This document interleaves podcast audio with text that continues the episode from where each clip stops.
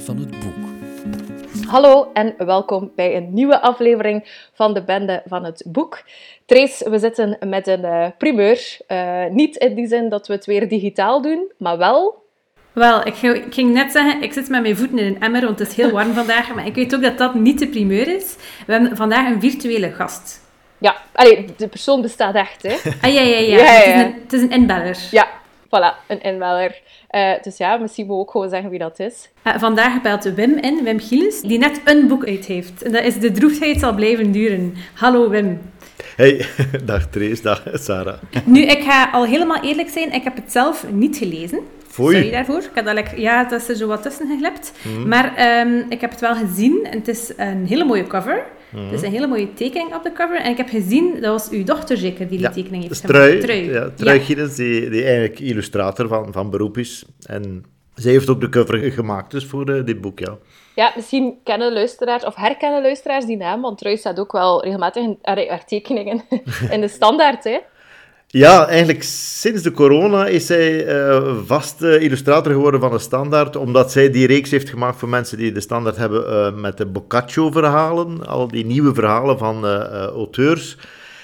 En daarna is ze ja, een beetje vast in de poelen gekomen van illustratoren van de standaard. Er gaat bijna geen week voorbij eh, dat er uh, geen tekening in staat van Trui. Ja. Ik zal misschien eens beschrijven wat we zien. Want is, dit is nog altijd een podcast. Uh, we gaan uiteraard ook op Instagram delen. Maar we zien um, een jonge dame, of toch haar rug. Dus ze kijkt weg van, um, van, van, van de lezer eigenlijk. En dan, heel leuk, uh, want de, de cover of de stijl waarin dat de tekening is gemaakt, heeft eigenlijk al veel prijs over wie, of ja, zo heb ik het geïnterpreteerd, dus verbeter mij mm. als ik dat helemaal verkeerd zie, over welke bekende historische kunstenaar het boek uh, grotendeels gaat. Ik zal misschien nog niet onmiddellijk zeggen wie. Hey, we zien uh, donkergeel, zo een beetje de kleur van zonnebloemen. Ja, nu heb ik het al prijs tegen, maar zo die typische, ja, hoe noem je dat, zo uh, niet-lineaire stijl. Hè, zo, het is geen pointillisme, maar zo... Het zijn krullenwietjes. Krullenwietjes, de krullenwietjes-stijl. Ja.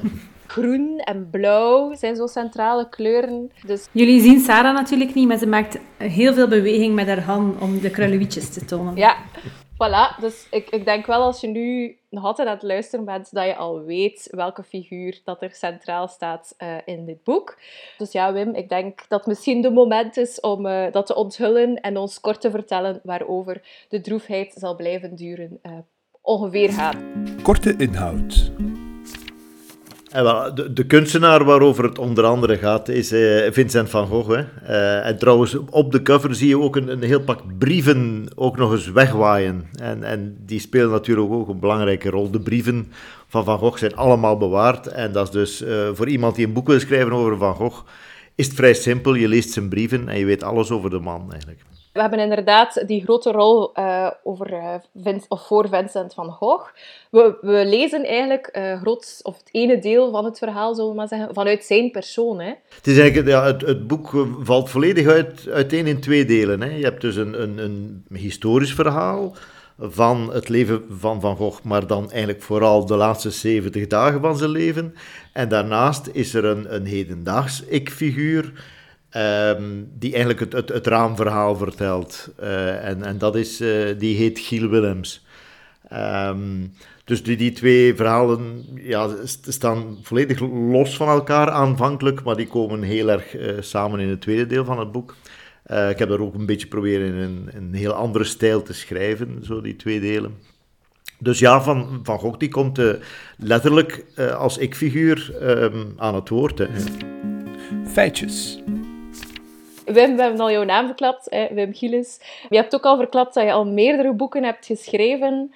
Ik ben er zeker van dat sommige luisteraars jouw stem ook zullen herkennen. Dat zou kunnen. Ja. Dat zou kunnen, ja. ja. Ik heb uh, eh, 26 jaar voor de radio gewerkt, voor VRT Radio 2 West-Vlaanderen vooral. Dat heb ik heel lang gedaan als uh, journalist en, en, en producer, zo heette die functie. Dat is eigenlijk programmamaker. Um, en ik... Uh, heb ook wel dikwijls uh, mijn eigen programma's gepresenteerd. En ik heb daar ooit een boekenprogramma gehad zelfs. Aha, kijk. Eigenlijk ben je een beetje de voorloper van de bende van het boek. eh.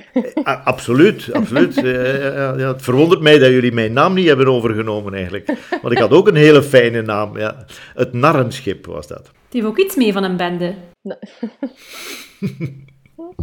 Maar naast de radio hè, heb je, ben je inderdaad niet aan je proefstuk toe wat dat boeken schrijven betreft. Nee, ik ben eh, in, in 96, dat is, eh, dat is eh, lang geleden, hè, ben ik gedebuteerd met een romannetje over de Ierse aanwezigheid in de Eerste Wereldoorlog hier in de Westhoek. En dat heette Nooit meer terug naar Tipperary. Je weet misschien dat eh, de Engelse soldaten het liedje zongen en zingen van eh, It's a long way to Tipperary.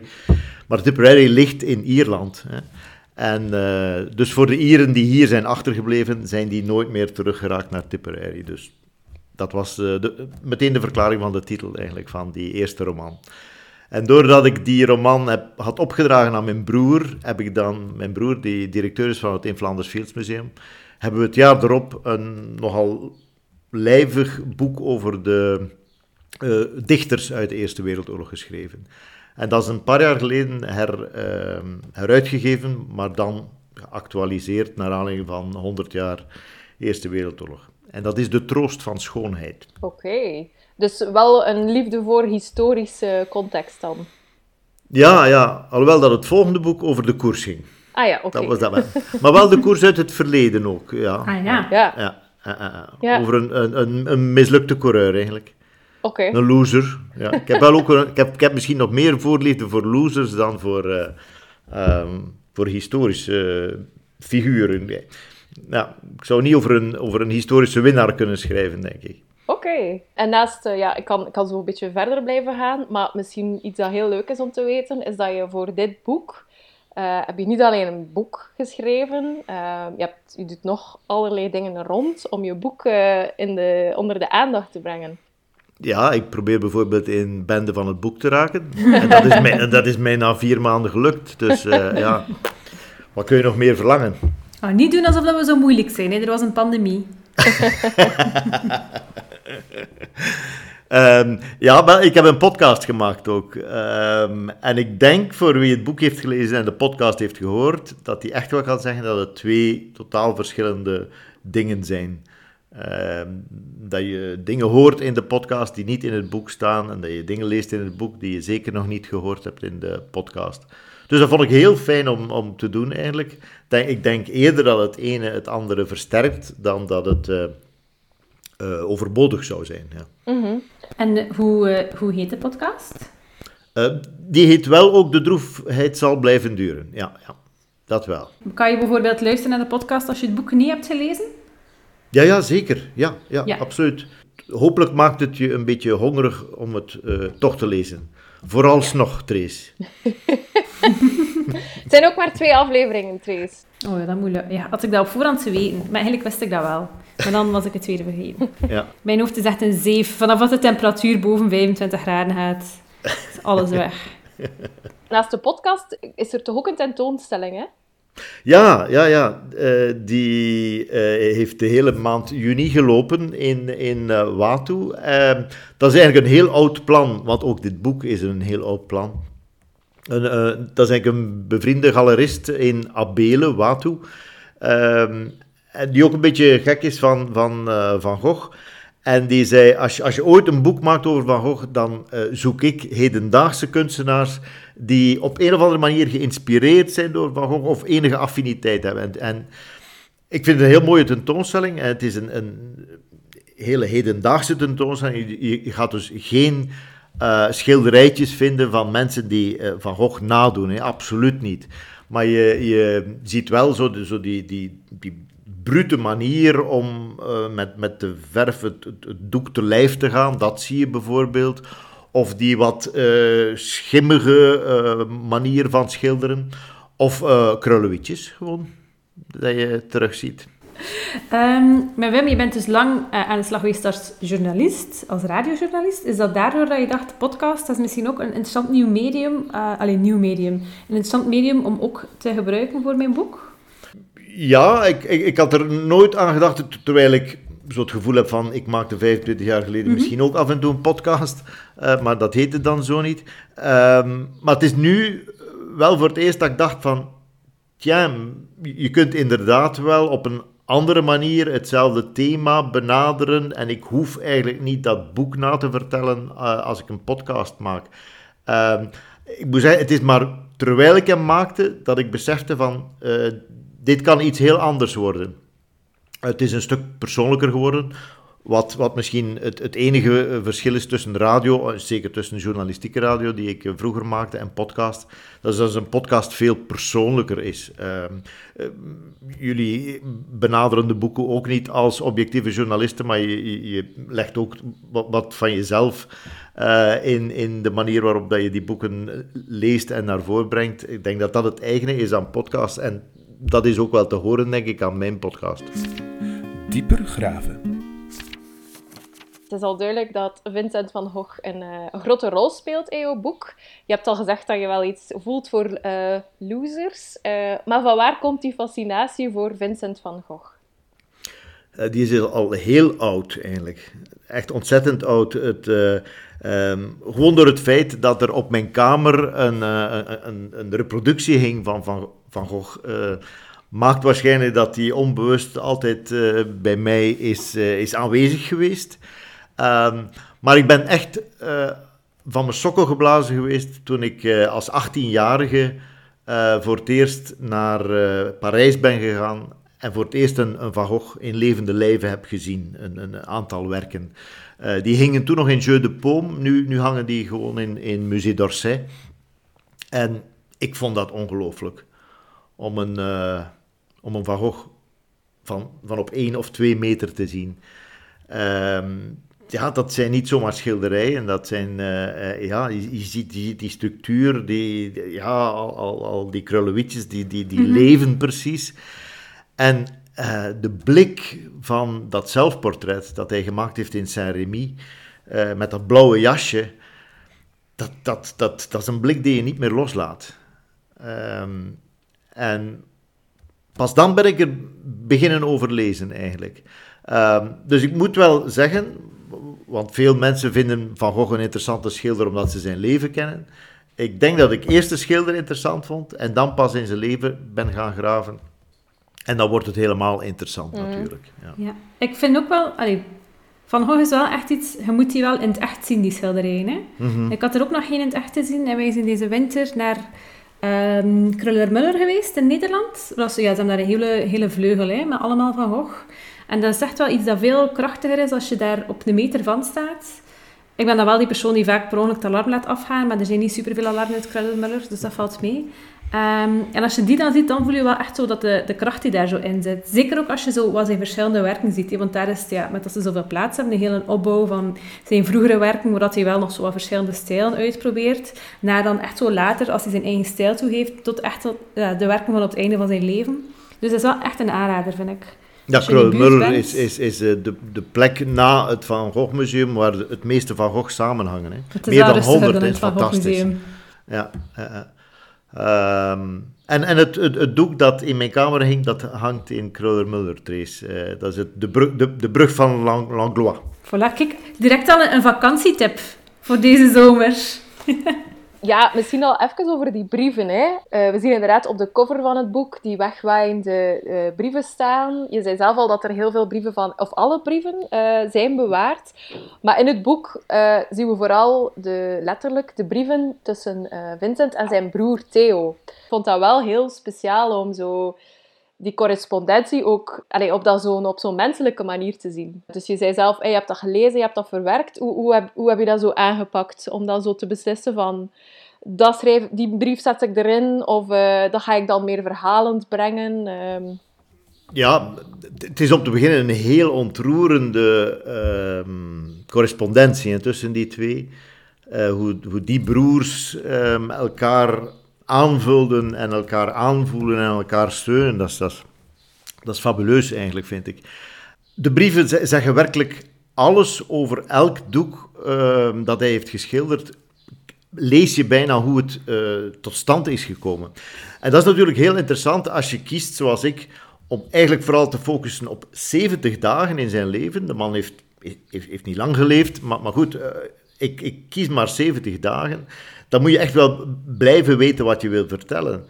Maar het is dan heel makkelijk als je die brieven uh, hebt, dan weet je echt welke dag, je weet, weet eigenlijk welk weer het was, uh, uh, wanneer hij is opgestaan om, om dat doek te, te maken, hoe lang hij erover heeft gedaan, eh, dat, dat het nog lekte als hij s'avonds thuis kwam, dat hij het met, met punaises aan de muur moest hangen. Enfin, je krijgt allerlei details en ook zijn overpeinzingen.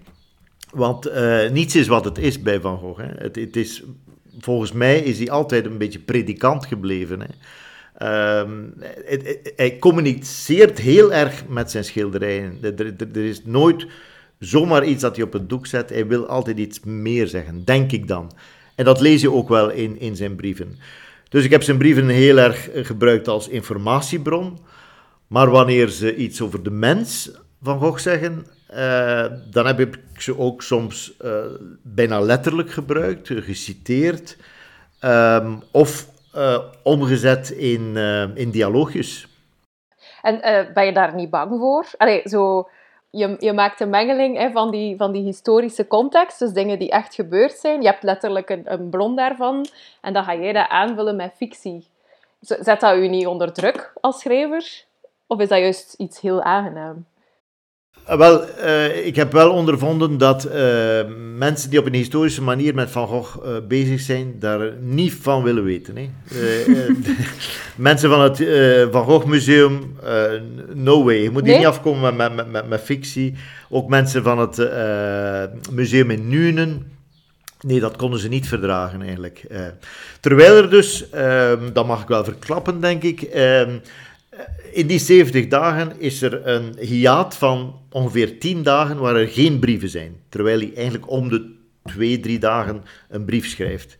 Naar zijn broer of naar iemand anders, naar zijn zus, naar zijn uh, moeder, uh, naar Gauguin en, en zo verder. Uh, maar dan zijn er plots 10 dagen dat hij geen brief schrijft. En twee dagen later eh, schiet hij zichzelf met twee kogels in de buik. Dus ik dacht, er moet daar iets gebeurd zijn. En die, die, die, dagen heb ik ingevuld en eigenlijk draait heel de roman daar rond. Hè. Rond wat is er gebeurd in die tien dagen. En ik zeg alleen, het is, het is niet helemaal van de pot gerukt. Het had kunnen geweest ja, zijn. Niemand kan bewijzen dat het niet gebeurd is. Voilà, voilà. Er komen uh, geen aliens in voor. Nee, ik ging nee, nee. net zeggen, een van de mooiste fictiewerken over Van Gogh is een aflevering van Doctor Who.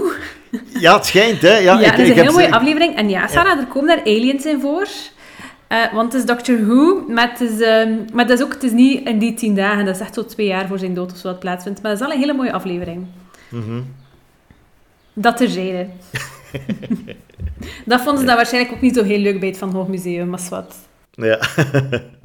als, allez, als je zegt Vincent van Gogh, aan wat denk je dan? Dat heel veel mensen zeggen, ah ja, dat is die schilder die zijn oor heeft afgesneden en zonnebloem schilderde. Ja. Klopt. Um, mm-hmm. En ik vond het ook, daarom ook uh, boeiend dat je zo aandacht geeft voor zijn, voor zijn geestelijke ja, toestand, evolutie. Uh, bijvoorbeeld, hey, il faut, uh, wat was het? Peindre. Je moet schilderen, dat is goed voor u. dan ook al die schilderijen die opgesomd worden, dat hij allemaal maakt. Dat je ook wel voelt dat dat voor hem echt een manier is om ja, toch een beetje te zoeken naar, naar rust.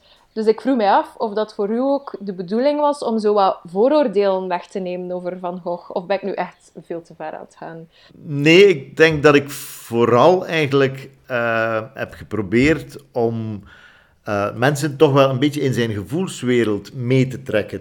Um, want wat je zegt, uh, in dezelfde zin zeggen dan, ja, maar iemand die zijn oor afsnijdt, dat, dat, dat zal wel een gek zijn. Hè? Ja. Mhm. En hij dronk ook nog terpentijn en hij had zijn verf op, dat zeggen ze er dan ook nog bij. Dus dat is een zot, ja. Um, terwijl dat het toch wel veel complexer was wat er aan de hand was uh, met hem uh, en dat het, dat, het meer, dat het heel veel met innerlijk verdriet heeft te maken, met, met, met frustratie ook. Niet kunnen zijn wie je denkt dat je zou kunnen geweest zijn. Eerst heel die frustratie dat hij geen predikant is geworden. En dan die frustratie dat hij eigenlijk zijn, uh, zijn tijd veel te veel uh, voor was als, als, schilder eigenlijk. Hij, hij, was al veel te abstract bijna bezig voor... te veel krulletjes te veel krullenwitjes in, een, in een tijd dat, het, dat eigenlijk de verschuiving van het realisme naar, naar het abstracte nog aan het gebeuren was. Hè. Ehm, dus dat wilde ik zeggen. Ehm, en dat, dat dwangmatige, dat dwangmatige schilderen, um, dat heb ik ook wel proberen ja, uit te schrijven. dat, dat is wel leuk, een, een, een dwangmatig iemand dat je, daar, dat, uh, ook in taal kunt omzetten. Hè. Een diarree aan woorden. Uh, dat is wel handig uh, als je dat. Uh, en, en, en, ik heb ook hem nogal wat hallucinaties en dromen laten beleven in het boek. En die zijn, die, dat, dat, dat is leuk om dat, dat te kunnen beschrijven. Dat al die dingen in elkaar komen. Ook, ook zijn, de manier waarop hij naar muziek luistert en die, die muziek die hem dan eigenlijk ook weer half gek maakt als hij die opnieuw beluistert s'nachts. Um, ja, in die zin is het een heel uh, boeiend figuur natuurlijk om, om er uh, uh, los gaan met, met, de taal. Hè. Ja, dan merk je wel als lezer dat, allee, dat je daarin geamuseerd hebt. Dat, mm -hmm. ja. En als podcastluisteraar. ja. In, het, in de periode waarin dat we Vincent volgen in het boek, komt hij terecht bij de familie van Gachet. Is dat dan ook iets dat echt gebeurd is? Of is dat jouw invulling? Of... Ja, in elk geval, de, de dokter Gachet is de eerste die hem heeft ontvangen. Uh, het, hij is ook de, de reden waarom dat hij naar Auvers gaat. Hè. Hij had enige reputatie van de ziekte melancholie te kunnen een beetje genezen. Ja.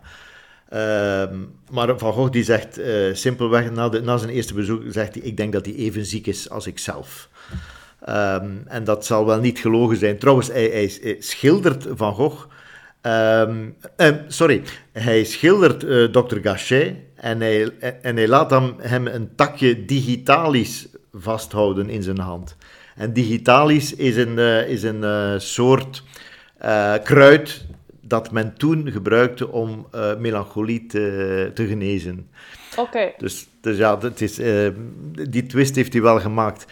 Um, maar het is zeker historisch dat hij daar elke zondag ging eten. Dat het eten altijd veel te zwaar was. Dat de babao rum fantastisch lekker was van, van de kokin. Um, en dat hij na een bepaald voorval niet meer is opgedaagd. En de rest weten we weer niet. Ja, dus uh, ja, er, kan van alles gebeurd zijn. Hè? Ja, ja. Oké, dus naast eh, jouw uh, spel met feit en fictie, zal ik maar zeggen, uh, hebben we ook het hedendaagse verhaal, um, waarin dat we Giel Willems volgen. is dat iets wat je vaker doet? Zo een verwijzing naar jouw eigen leven in je roman steken? Of zitten er nog verwijzingen in in dit boek? Wel, die Giel Willems uh, was eigenlijk al uh, de, het hoofdpersonage van ehm, mijn koersboek geweest. En dat was gewoon, eigenlijk is het, is het een beetje flauw, hè. Uh, de, uh, na mijn eerste roman krijg je, en iedereen krijgt zeker die vraag van, en uh, is het allemaal een beetje uh, autobiografisch, of wat is er autobiografisch? En ik was dat zodanig beu, dat ik zei van, kijk, nu ga, ik, eh, nu ga die vraag niet meer stellen. Als je gewoon je hoofdpersonage Giel Willems noemt, dan zal niemand nog zich afvragen, is, zijn er ook autobiografische elementen in het in het boek. Ja. En Wim, zijn er ook autobiografische elementen in het boek? Lees het zelf. ja, dus uh, ja, dat was eigenlijk de reden waarom ik uh, uh, de man Giel Willems noemde. Ja. En heeft deze Giel Willems nog iets gemeenschappelijk met de Wim Gielems... Wim Gielems, Giel Willems, oh my, ik kon niet meer goed. Met de Giel Willems van uw vorig boek? Uh, nee, nee, eigenlijk niet. Nee, er is, er is geen enkele verwijzing naar. Nee, nee, nee. Misschien is het ook niet zo'n goede move geweest, ik weet het niet. Maar. Uh... ik vind Giel wel een mooie naam. Dus uh, mm voilà. Mm ja. Los van de naam van het hoofdpersonage van het hedendaagse verhaal, is er toch nog iets meer te vertellen daarover. We hebben al verteld daarnet van. Er is wel op zich in het begin is er wel het feit dat Giel een fascinatie heeft voor Vincent van Gogh. Maar op zich staan die verhalen wel vrij ver van elkaar. hoe moeilijk is dat dan om, om te zorgen dat je die, de twee verhalen in elkaar kan doen lopen? Want ik denk dat iedere lezer zal sowieso een voorkeur hebben voor het hedendaagse verhaal of het verhaal uh, over Vincent. Ja, ik denk dat ze ook in het eerste deel van het boek uh, zeer onevenwichtig tegenover elkaar staan. Hè. Het eerste... Uh, het hedendaagse verhaal is zeer fragmentarisch in het eerste deel van het boek. het zijn, zijn zo flarden. Ehm, heb ook proberen om, om zeer fragmentarisch te schrijven. Een, een groot contrast te proberen te maken in de taal van het Vincent-verhaal, dat eigenlijk een beetje 19e eeuws klassiek uh, van taal is. Uh, en dan wilde ik het, uh, het hedendaagse verhaal heel, heel erg um, ja, gehakketakt eigenlijk schrijven. Um, dus, dus daar zit eigenlijk weinig verhaallijn in, maar je voelt gaandeweg wel um, dat die fascinatie voor, voor Van Gogh ook iets dwangmatigs krijgt. En daar krijg je al de, ja, de overeenkomst tussen Giel en Vincent. In het tweede deel laat ik hem dan ook gaan naar Auvers-sur-Oise. Auvers-sur-Oise is misschien wel een aanleiding waarom dat mensen nu jouw boek zouden moeten lezen. Ja, eh, Van Gogh die wordt eh, natuurlijk heel vaak geassocieerd met, uh, met de Provence, hè? Met, met Arles, met Saint-Rémy. Maar dus die laatste 70 dagen van zijn leven komt hij terug naar het noorden. Voor hem is dat echt een terugkeer naar het noorden. Naar het licht van, van, dat hij heeft gekend in zijn jeugd in Brabant. Uh, en Auvers-sur-Oise ligt dus al net een beetje ten noorden van Parijs. Dat wil zeggen dat het ook ja, nauwelijks twee uur rijden is van, uh, van veel plekken in Vlaanderen eigenlijk. Um, en het is, een, het is een fantastisch dorpje. En wat natuurlijk nog fantastischer is, is dat je ja, al die, die plekken waar hij heeft geschilderd, dat je die nog kan zien. Uh, dat, dat ze nog veel van hun authenticiteit hebben bewaard. Dat je het huis waar hij heeft verbleven, de Auberge Ravoux, en het huis van uh, dokter Gachet nog uh, kan bezoeken. Um, en het huis waar um, Giel Willems heeft geslapen ook. Ja. Mm -hmm. En is dat zo omdat Wim Gilles daar ook heeft geslapen? ja, ja, absoluut. Ja. Je kan dus met het boek in de hand uh, gaan, uh, gaan wandelen uh, door Auvers-sur-Oise. Voilà, we hebben hier al twee vakantietips gegeven, Trace. Mm -hmm. Nu, ik vind los daarvan, uh, ook als je zegt nee, ik wil echt gewoon nog letterlijk in kot blijven. Als je het boek leest, je bent wel echt in Frankrijk. Uh, door de manier waarop je het beschrijft, dat, die, die, die kerktoren, ik zie ook echt het huis van dokter Gachet voor mij, de, de warmte en zo. Uh, dus op zich, het is zeker terecht dat je reclame maakt om naar, om daar te trekken. Maar het boek op zich neemt, u, neemt, neemt u als lezer, vind ik, ook wel echt mee naar die streek. Ja, dat denk ik wel, ja. ja. Uh, misschien moeten we het nog eens hebben over de titel. Dat hebben we nog niet gedaan. Hè? We hebben de, de kaft al bejubeld, uh, de twee mm -hmm. verhalen.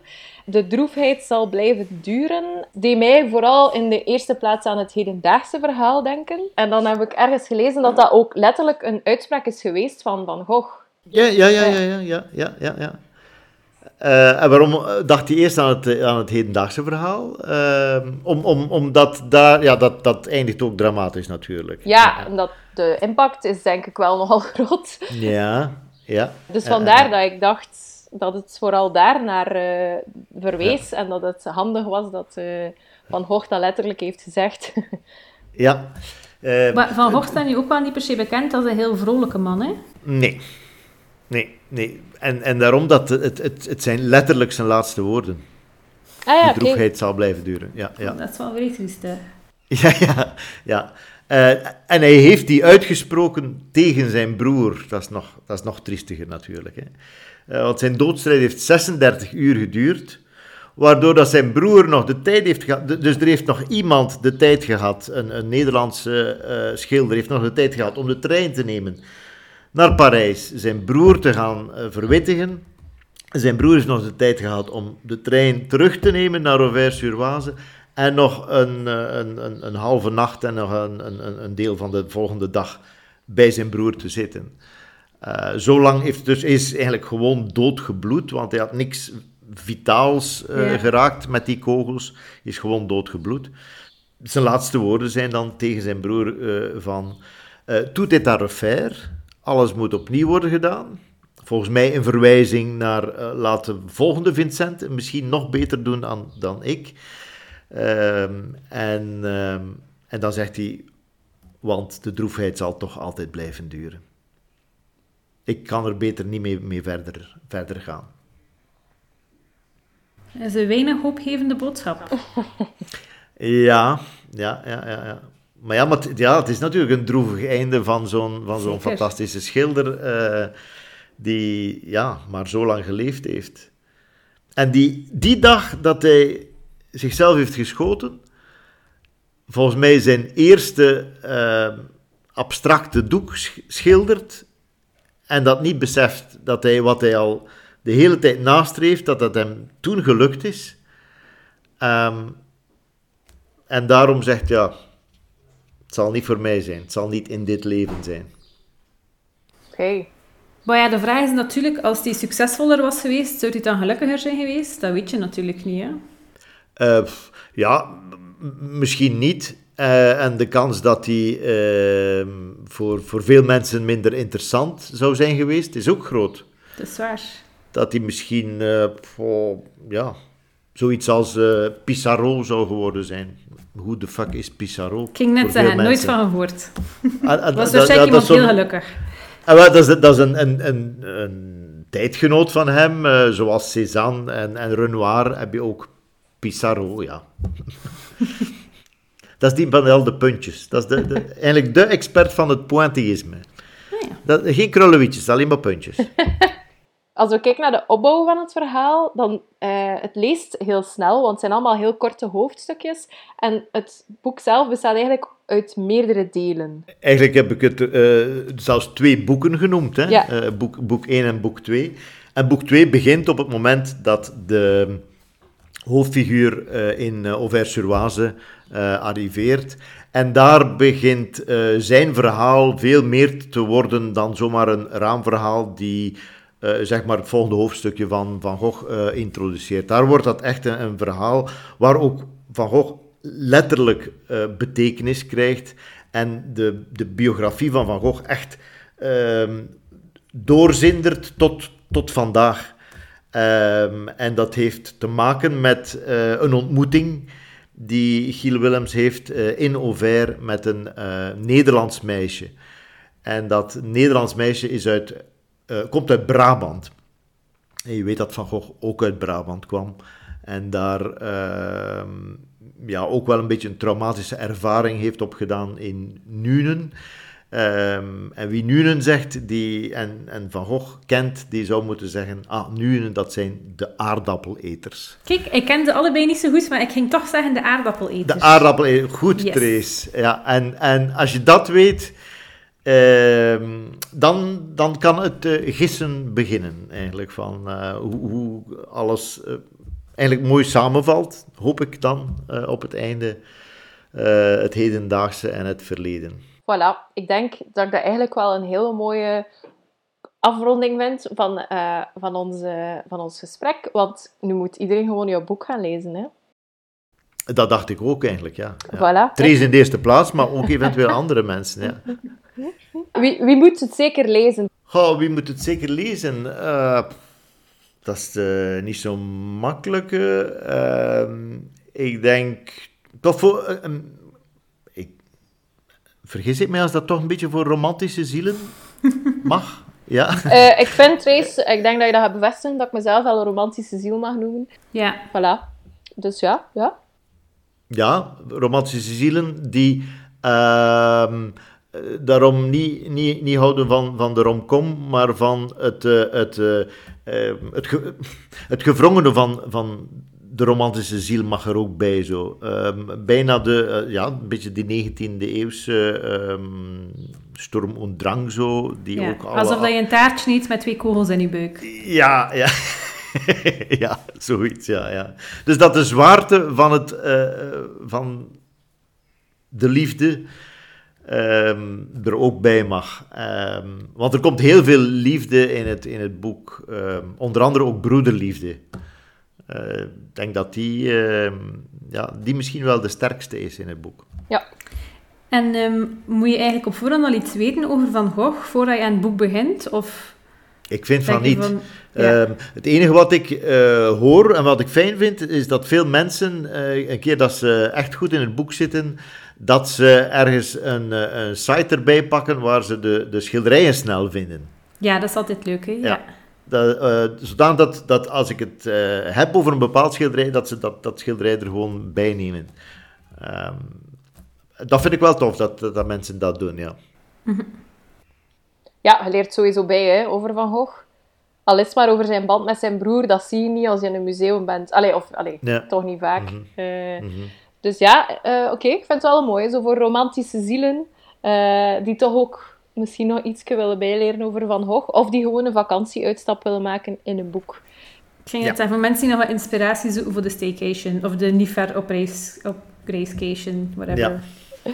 Oké, Wim, ik heb een vermoeden dat jij deze zomer opnieuw naar Frankrijk gaat. Of ben ik dat, zie ik dat verkeerd? Ja, ja. Ik, ga, ik, ik, ik eh, maak er een gewoonte van om elk jaar eh, minstens één keer een eh, Van Gogh in het echt te zien. En aangezien wij de voorbije zeven, acht jaar altijd naar het eh, Festival van Avignon trekken. eh, Arles ligt in de buurt en in Arles heb je de Fondation Van Gogh. En in die fondation is er elk jaar een tentoonstelling waar minstens één Van Gogh moet hangen. Oké. Ja. Het is ervoor Ja. gemaakt. Ja, ja, ja, het is er echt voor. Maar soms hangen er vijf, soms hangen er zeven. Maar, maar ze hebben zichzelf opgelegd dat ze minstens altijd één Van Gogh hebben. En rond die paar Van Goghs maken ze dan een hele tentoonstelling. En, en meestal een hele goede tentoonstelling. Zwat. Wim, ik neem aan dat je ook een paar boeken meeneemt op vakantie. Wat ligt er allemaal klaar? Wel, ik moet ze eigenlijk nog, eh, nog bij elkaar zoeken. Ehm, dat is zo'n beetje, eh, ja... Dat, dat, dat, dat, dat is een half eh, dagje werk zo, hè. Even in de, voor de boekenkast gaan staan. Maar wat ik nu aan het lezen ben, dat zal ik waarschijnlijk wel nog meenemen, want dat zal niet zo snel uit zijn. Ik lees nu een boek dat ik eigenlijk meer dan 30 jaar geleden had moeten lezen, maar dan niet heb gelezen en er wel een examenvraag over gekregen. Oei, En afgegaan als een gieter. Maar toch net een 10 gekregen, denk ik. oké. En welk ja. boek is dat? Dat is eh, De Verwondering van Hugo Claus. Och, ja. Ik heb het wel gelezen voor mijn examen, maar ik was ook eh, danig ja. in de war. Allee, het is niet dat ik alles wil, wil lezen van Claus of zo, hoor. Ehm, ik heb nog niet zoveel gelezen. Maar ik dacht, ooit moet ik, moet ik dat eens doen. En dan misschien, maar is al dood de mensen, Marcel Janssens, zeggen van, ik heb het nu toch begrepen, professor. Eh, Oké. Trace, wat ben jij aan het lezen? Ik ben nog altijd bezig in The Memory Police van Yoko Ogawa, maar ik ben ondertussen ook een beetje beginnen bladeren in iets nieuws dat is aangekomen. En dat is een boek over katten. De titel is al geniaal. De titel is Zat het snor. Het is een boek van Erik Aert en het is eigenlijk een soort van cultuurhistorisch boek over de, ja, de geschiedenis van de kat in de Lage Land.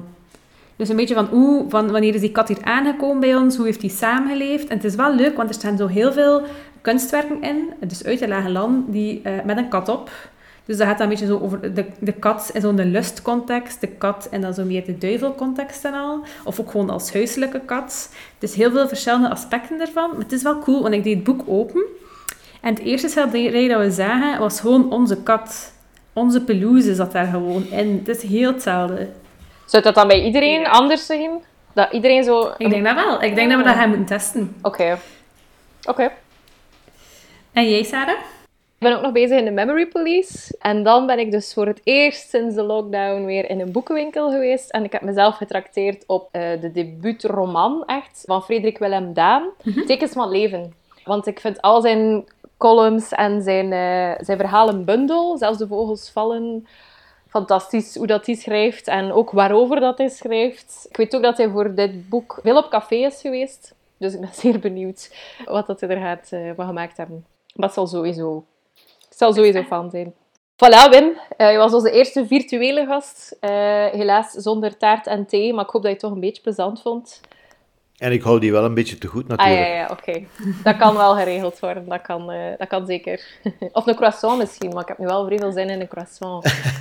Nee, ik ook wel. Die breng ik dan weer mee. Maar in elk geval, eh, merci om eh, bij ons te willen langskomen. Ook al was het dus eh, digitaal. Ook al kwam je niet echt langs. en dan bedanken we nog Michiel, Wes, Joffre en Jasper. Amai, ik heb het in een andere volgorde gedaan. Ik weet ook niet waarom. Het was raar, maar we zijn iedereen even dankbaar. Ehm, dus dat is goed. Wie denkt, oh jee, ik krijg niet genoeg van de bende van het boek. Dat is geen probleem, er is genoeg bende van het boek voor iedereen. Uh, je kunt ons gewoon gaan volgen op Instagram of op Facebook.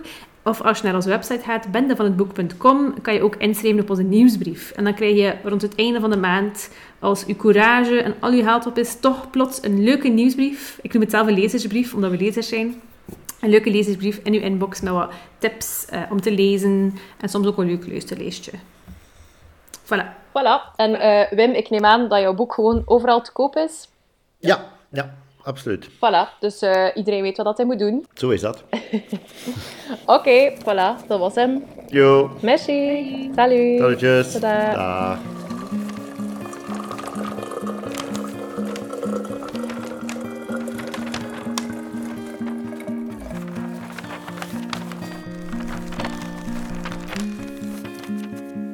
Bende van het boek.